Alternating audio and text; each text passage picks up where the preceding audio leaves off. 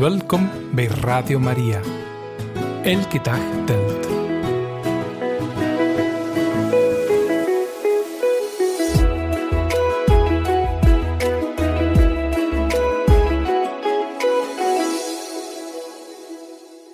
Welkom, beste luisteraars. Goedemorgen. Welkom bij Elke Dag Telt. Op deze donderdag 22 februari. We gaan het vandaag onder andere hebben over het hoogfeest van de stoel van Petrus en over catechese na de mis in de abdij van Postel. Maar eerst, zoals u weet, starten we graag met muziek. En vandaag hebben we gekozen voor het lied We Are One Body van John Michael Talbot. Nogmaals, van harte welkom hier bij Radio Maria.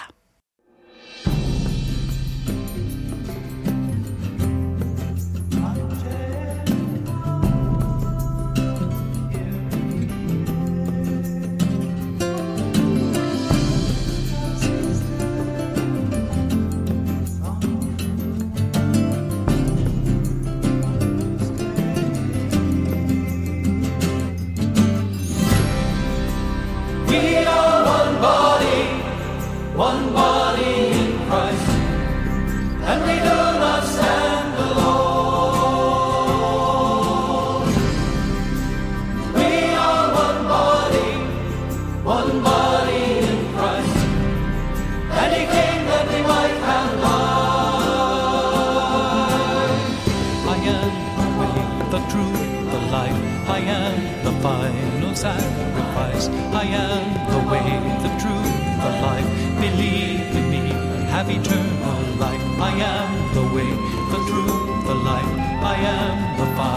sacrifice. I am the way, the truth, the life. Believe in me have eternal life. We are one body, one body in Christ, and we do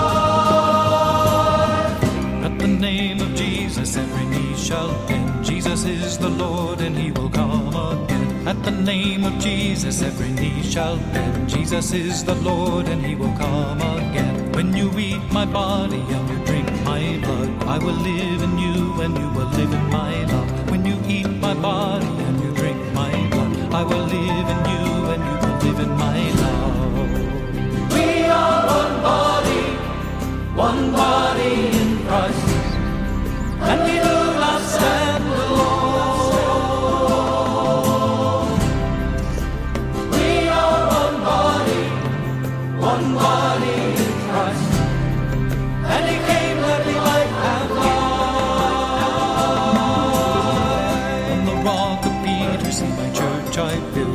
receive my spirit with my gifts be filled. Oh, you are my body, you're my hands and feet. Speak my word of life to everyone you. I am the way, the truth, the life. I am the final sacrifice. I am the way, the truth, the life. Believe in me, have eternal life. We are one body, one body in Christ, and we do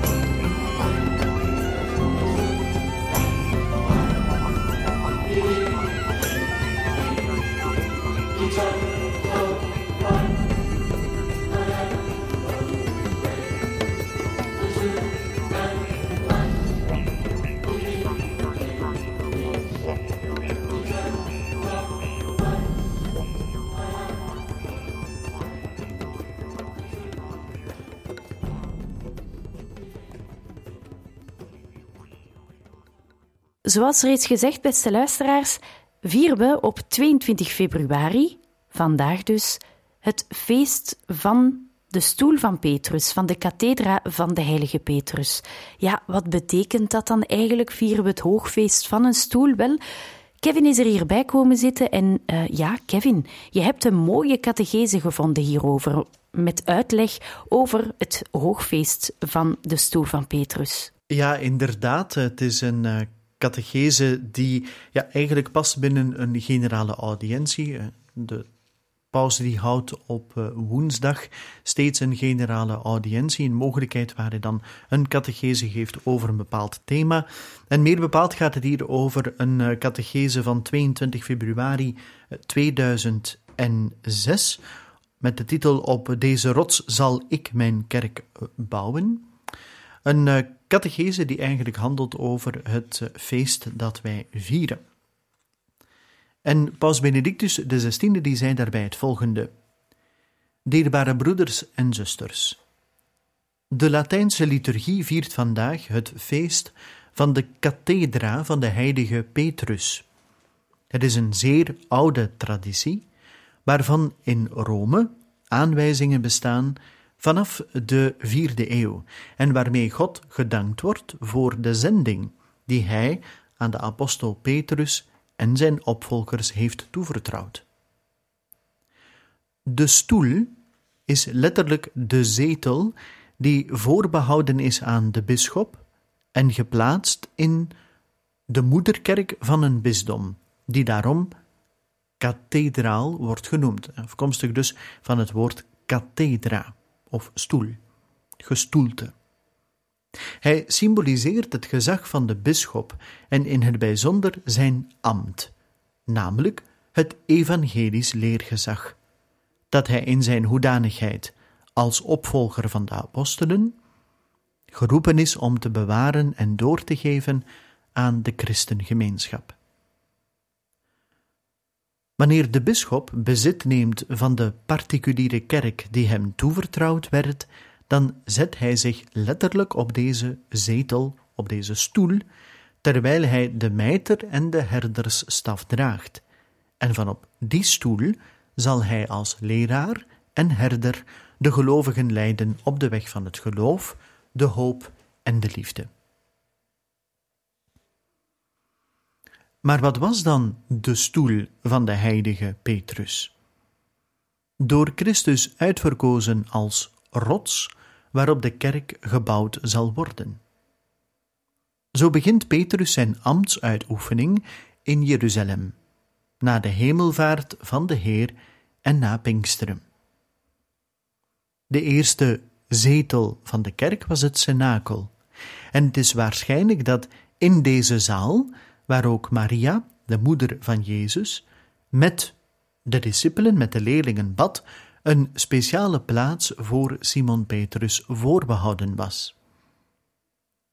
Daarna werd Antiochië de zetel van Petrus, een stad aan de rivier Oronte in Syrië, het huidige Turkije, en in die tijd de derde grootste stad van het Romeinse Rijk, en dit na Rome en Alexandrië in Egypte. Petrus was de eerste bisschop van deze stad, door Barnabas en Paulus geëvangeliseerd. En waar de leerlingen voor het eerst christenen werden genoemd, zo horen we in de Handelingen der Apostelen, hoofdstuk 11, vers 26. En waar dus onze naam van christen geboren is, zodat het Romeinse martyrologium van voor de hervorming van de kalender ook een specifieke viering voorzag voor de zetel van Petrus in Antiochië. Vandaar heeft de voorzienigheid Petrus naar Rome geleid. We hebben dus de weg van Jeruzalem, de kerk van het begin, naar Antiochië, het eerste centrum van de kerk uit de heidenen, en nog verenigd met de kerk die voortkwam uit de Joden. En vervolgens ging Petrus naar Rome, centrum van het Rijk, symbool van de orbis. Urbs staat hier voor orbis, de grond, waarop hij zijn weg ten dienste van het evangelie met het martelaarschap beëindigd heeft. Daarom viel op de zetel van Rome, die de grootste eer toebedeeld kreeg, ook de taak die Christus aan Petrus toevertrouwd had, om ten dienste te staan van al de particuliere kerken voor de opbouw en eenheid van heel het volk van God. De kathedra van Rome werd na de migraties van de heilige Petrus erkend als de zetel van de opvolger van Petrus.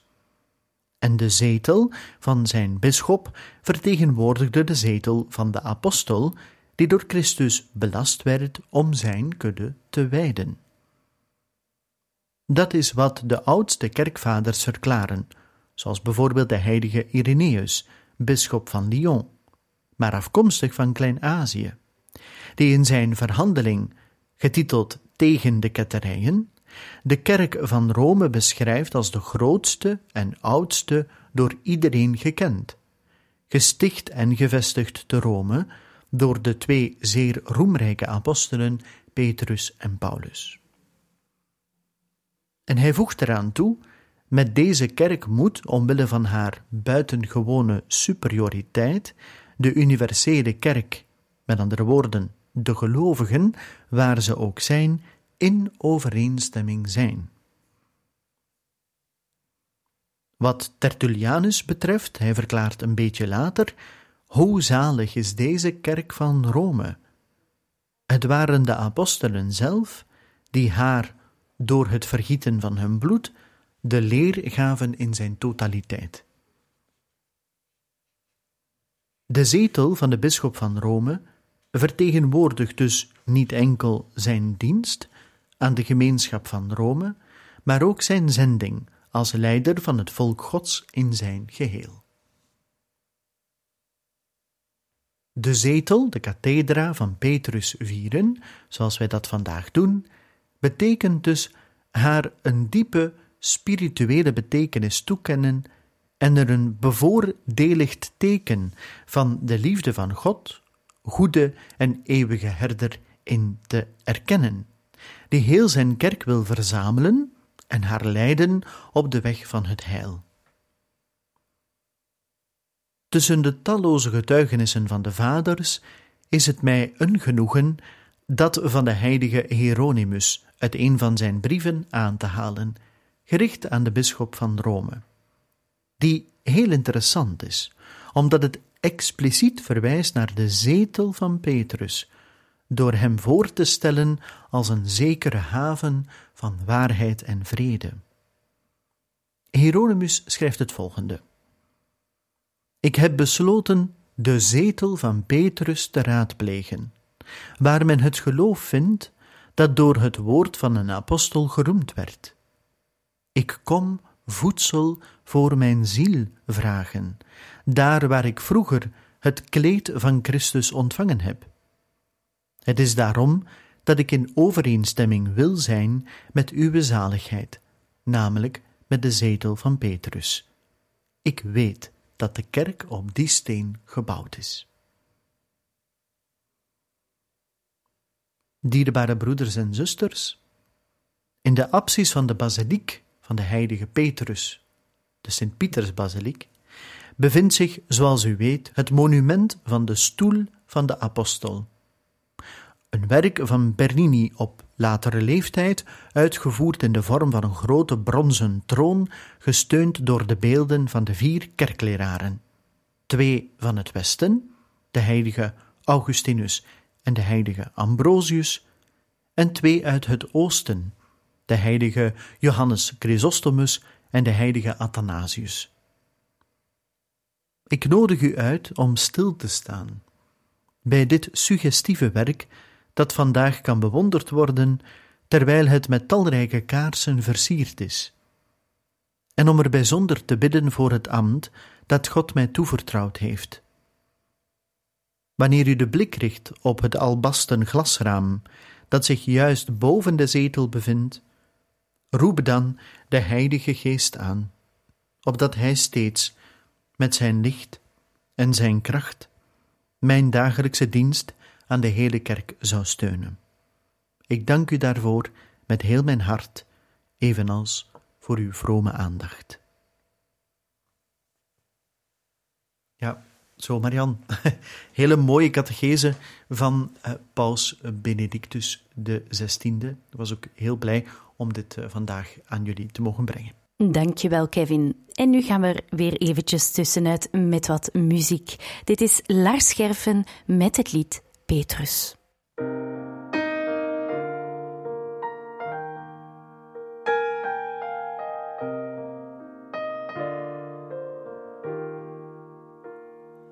Ik verlang soms naar die pijn die Petrus heeft gevoeld nadat hij u verlogend had. Ik verlang naar dat verdriet, naar de tranen die vloeiden omdat hij zo veel van u hield. En ik wil net zoveel als Petrus van u houden. Ik wil net zo'n goede vriend zijn als hij. Ik zou willen dat u ook op mij zou kunnen bouwen. Maak me sterk als ik niet sterk genoeg ben. Want hoe vaak kraait de haan en dat ik het niet hoor. Hoe vaak kraait dat ik me niet aan stoor. Hoe vaak kraait de haan. Ik wil nog meer van u houden, ook al doet dat soms pijn. Ik wil een vriend van u zijn.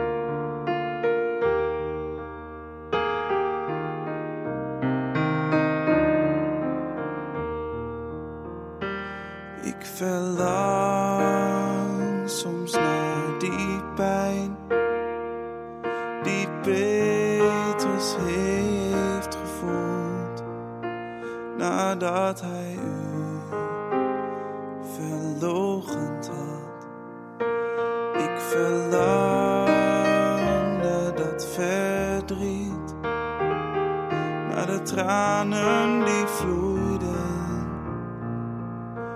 omdat hij zo veel van ik wil net zoveel als Petrus van u houden. Ik wil net zo'n goede vriend zijn als hij. Ik zou willen dat u ook op mij zou kunnen bouwen. Oh, maak me sterk als ik niet sterk genoeg ben. Want hoe vaak kraait het niet hoor. Hoe vaak kraait de haan en dat ik me niet aan stoor. Hoe vaak kraait de haan. Ik wil nog meer van u houden, ook al doet dat soms pijn. Ik wil een vriend van u zijn.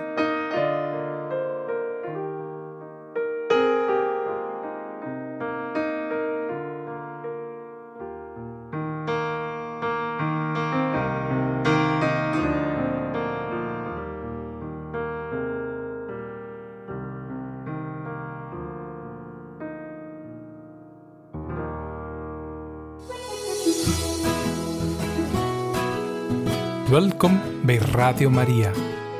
Elke dag telt.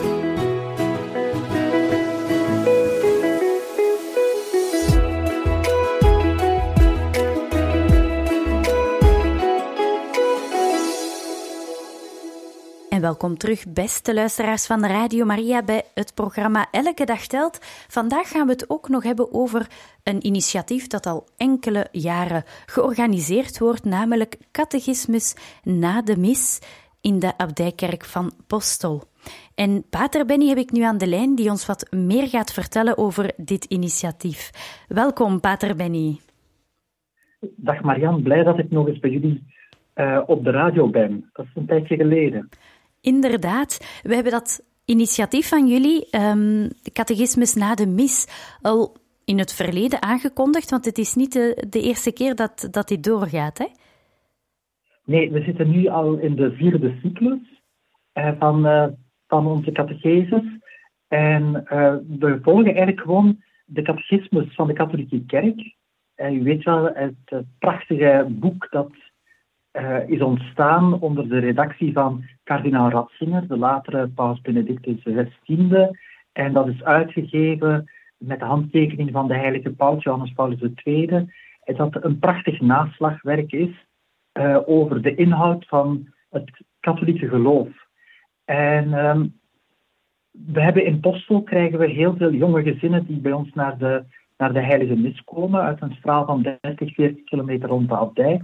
En vanuit hen kwam de vraag, pater, uh, we weten eigenlijk zo weinig wat het katholiek geloof echt inhoudt. Zou je daarover iets willen doen voor onze gezinnen?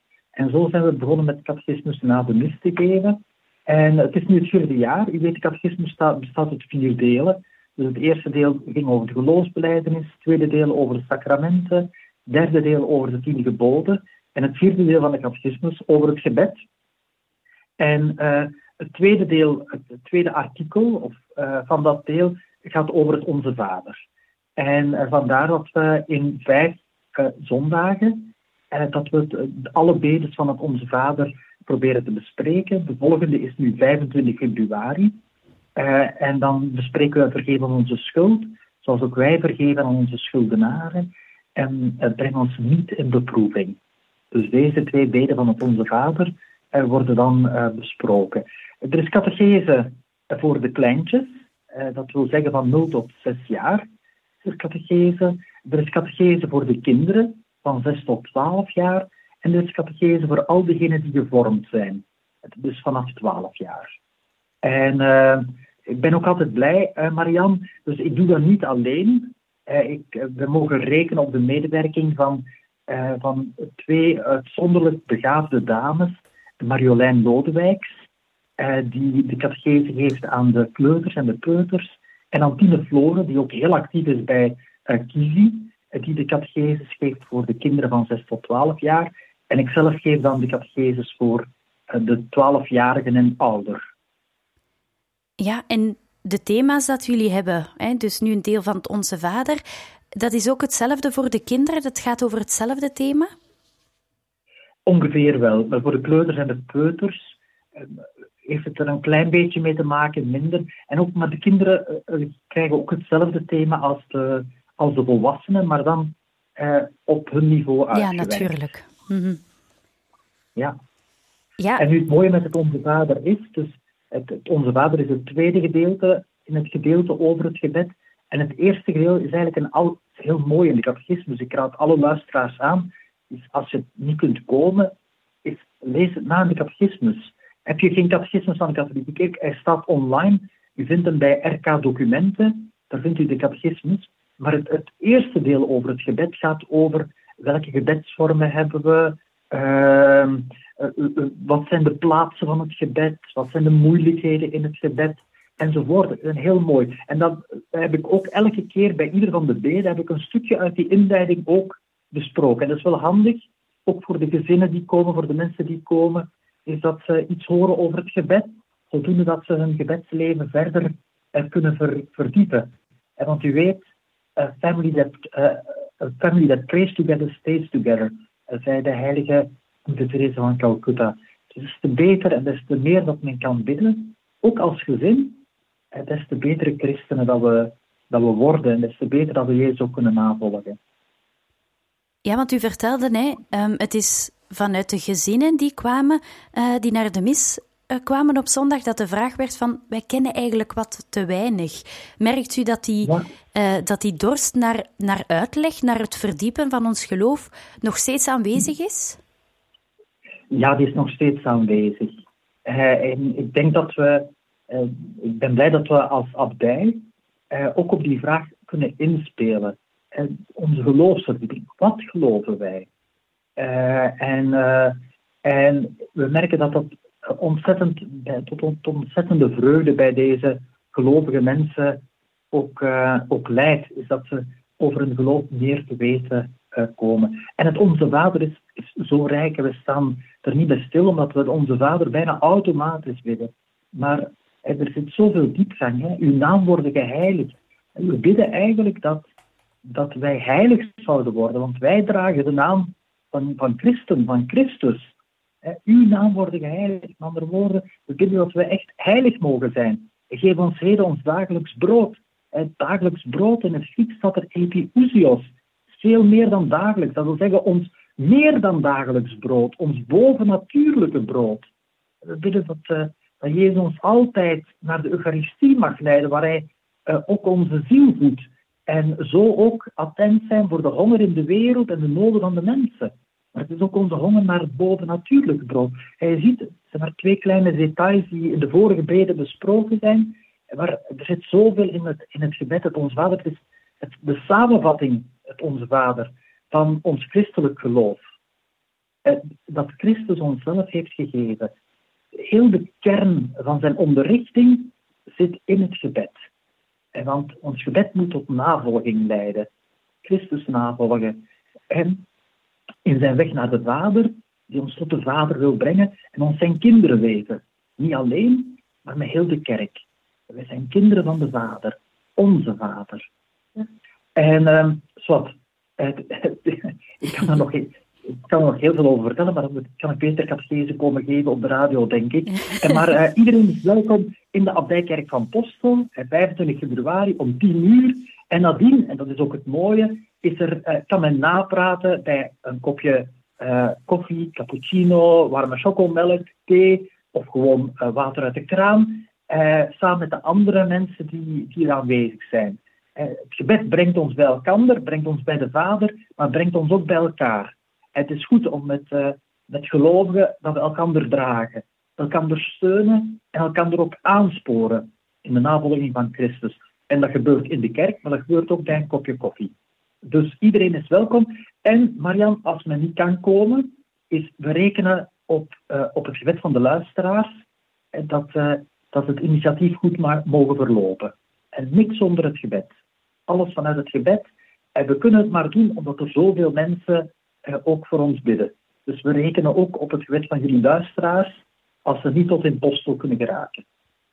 Ik ben zeker dat vele luisteraars uh, uw oproep zullen beantwoorden. Pater Wenny, dus beste luisteraars, even herhalen. 25 februari, dat wil eigenlijk dus zeggen nu zondag om 10 uur dus de mis en daarna de catechese. Ja, Pater Benny, dank u wel om dit toe te lichten. En ik zou zeggen, ja, als jullie nog zo van die mooie evenementen uh, organiseren, laat het ons zeker weten. Want onze luisteraars zoeken ook soms activiteiten. We houden jullie graag op de hoogte. En misschien nog één ding vermelden, er zijn geen kosten aan verbonden. Dus het is helemaal gratis. Je moet niet denken, oei, gaan we dat wel kunnen betalen? Uh, nee, iedereen is welkom. Ja, ook als je op het onverwachte komt, je moet je niet aanmelden. Kom gewoon naar de mis en nadien is er catechese. Dankjewel, Pater Benny.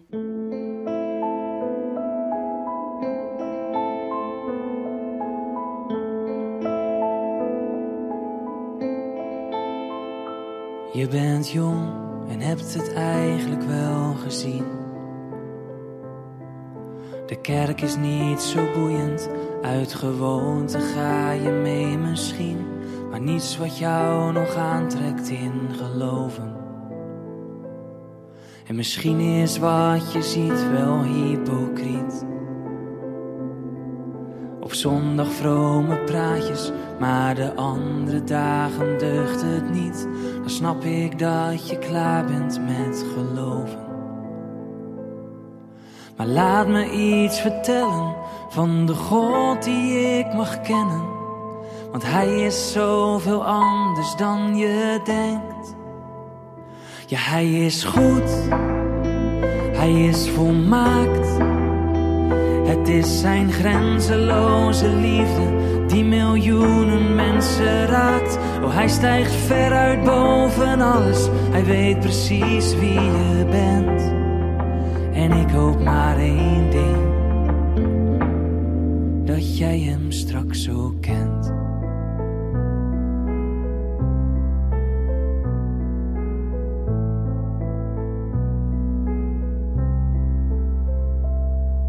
Bedenk ook hoe belangrijk dit is. En wat heb je aan excuses als je daardoor eeuwig leven mist? Oh, nu is er gelukkig nog genade. Want ook al keren wij ons van God af. Zijn zoon kwam naar de wereld toe en ging de weg tot aan het graf ons weer terug te brengen bij de Vader. Daarom wil ik jou vertellen van de God die ik mag kennen. Want Hij is zoveel anders dan je denkt. Ja, Hij is goed, Hij is volmaakt. Het is Zijn grenzeloze liefde Hij stijgt ver uit boven alles. Hij weet precies wie je bent. En ik hoop maar één ding: dat jij hem straks zo kent. Het is maar één stap naar het leven, dus laat die kans niet gaan. O, geef jezelf aan Jezus, dan zul jij het leven binnengaan.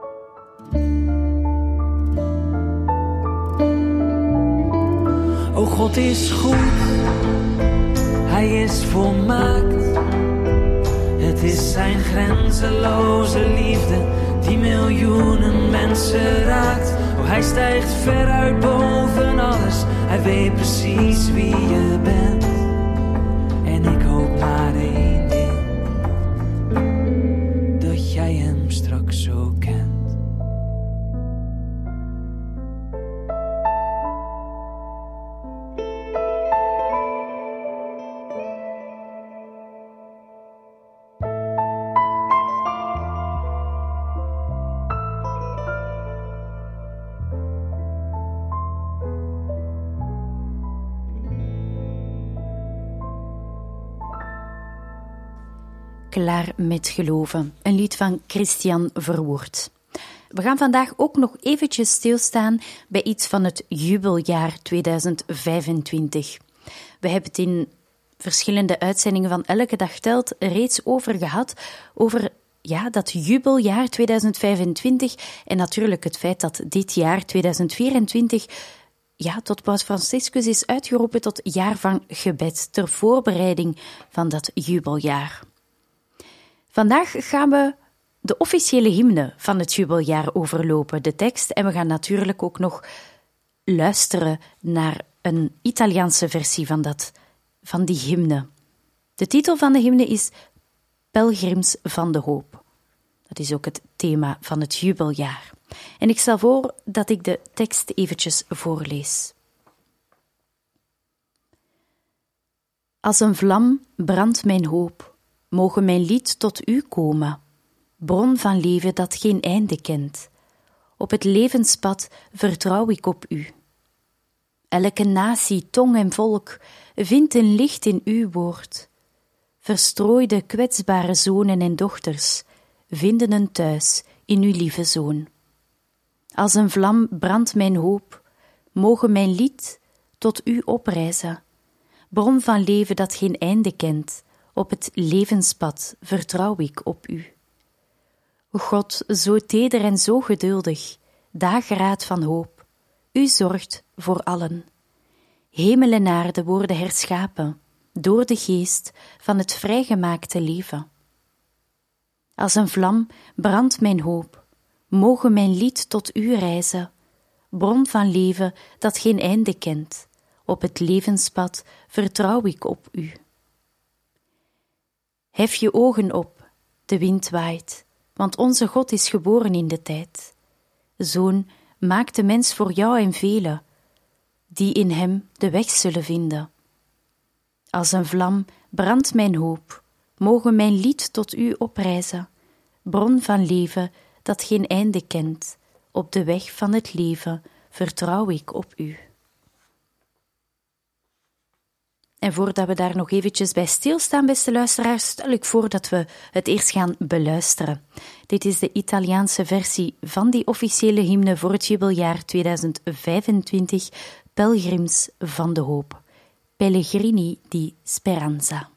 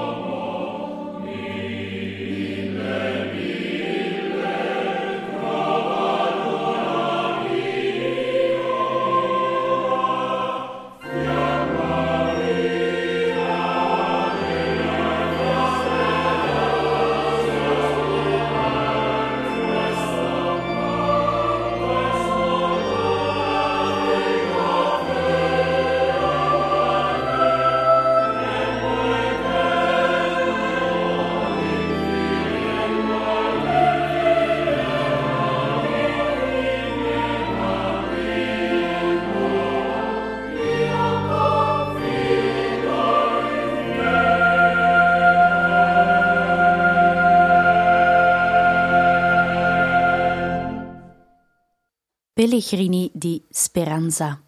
De officiële hymne voor het jubeljaar 2025, Pelgrims van de Hoop. En voordat we, beste luisteraars, deze uitzending afsluiten, wil ik nog eventjes dit lied overlopen met jullie, met informatie dat volledig allemaal terug te vinden is op de officiële website voor het jubeljaar. En over deze hymne wordt het volgende geschreven. Vaak komt er tijdens het wandelen een lied in ons op dat echt lijkt uit te drukken hoe we ons voelen. En dit geldt ook voor het geloofsleven, dat een pelgrimstocht is naar het licht van de vrezen Heer.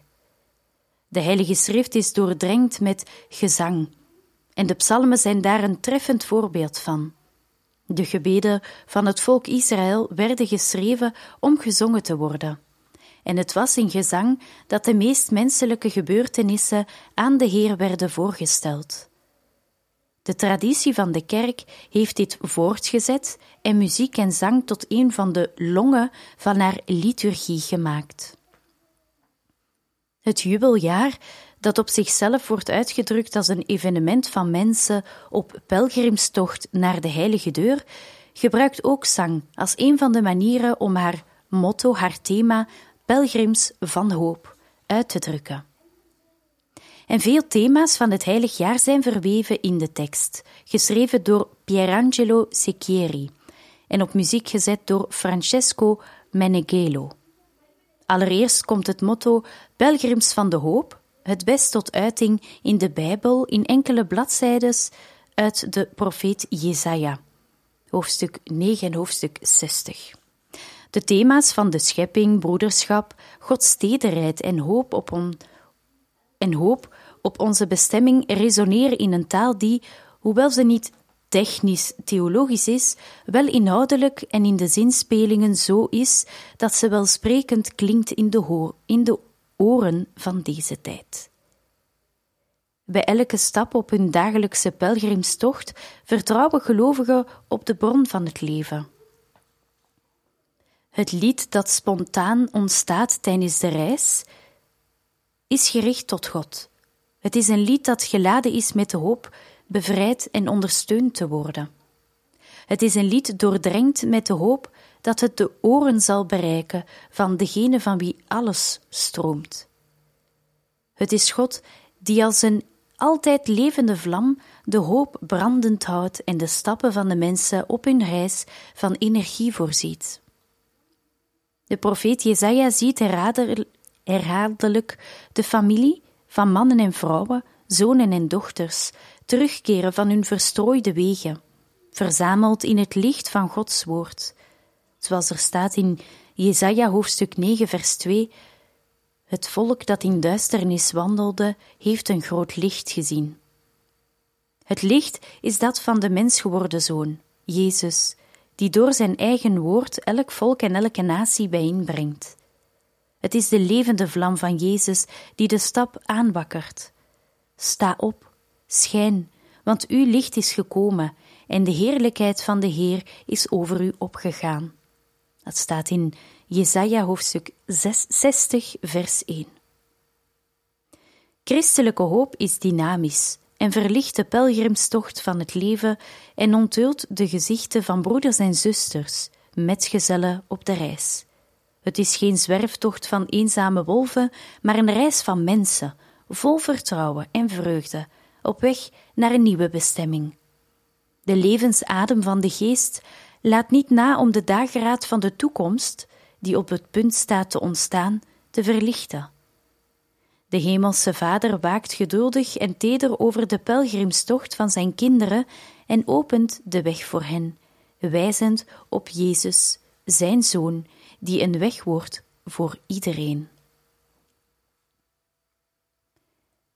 En dat zijn de woorden die we kunnen lezen, beste luisteraars, op de website, de officiële website van het jubeljaar 2025, met als thema dus Pelgrims van de Hoop. In de komende dagen zullen we natuurlijk nog steeds blijven stilstaan bij dat jubeljaar, de komende maanden zelfs, om ons zo allemaal voor te bereiden op dat jubeljaar.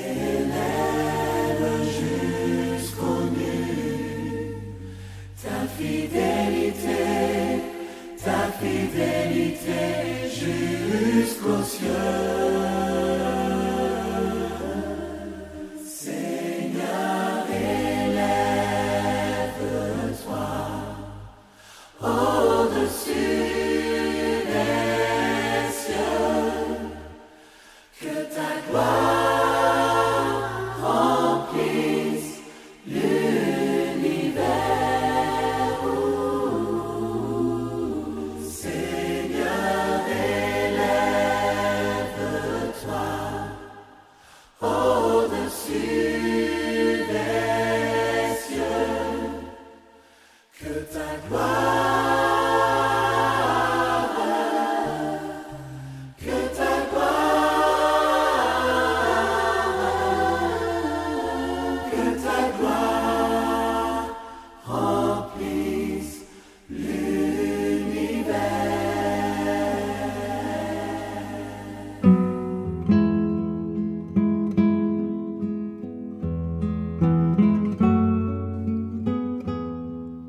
zo, beste luisteraars van Radio Maria, zijn we aan het einde gekomen van deze uitzending van Elke Dag Telt. Maandag zijn we bij u terug voor een nieuwe uitzending. Maar natuurlijk sluiten we af met een Bijbelvers voor vandaag. Ik heb hier het mandje bij me. Kom, o Heilige Geest. En ik trek een kaartje. Mijn liefde voor u duurt eeuwig. Ik blijf u altijd trouw. Komt uit de profeet Jeremia, hoofdstuk 31, vers 3. Mijn liefde voor u duurt eeuwig. Ik blijf u altijd trouw. Beste luisteraars van Radio Maria, nog een zeer fijne dag gewenst en tot de volgende keer.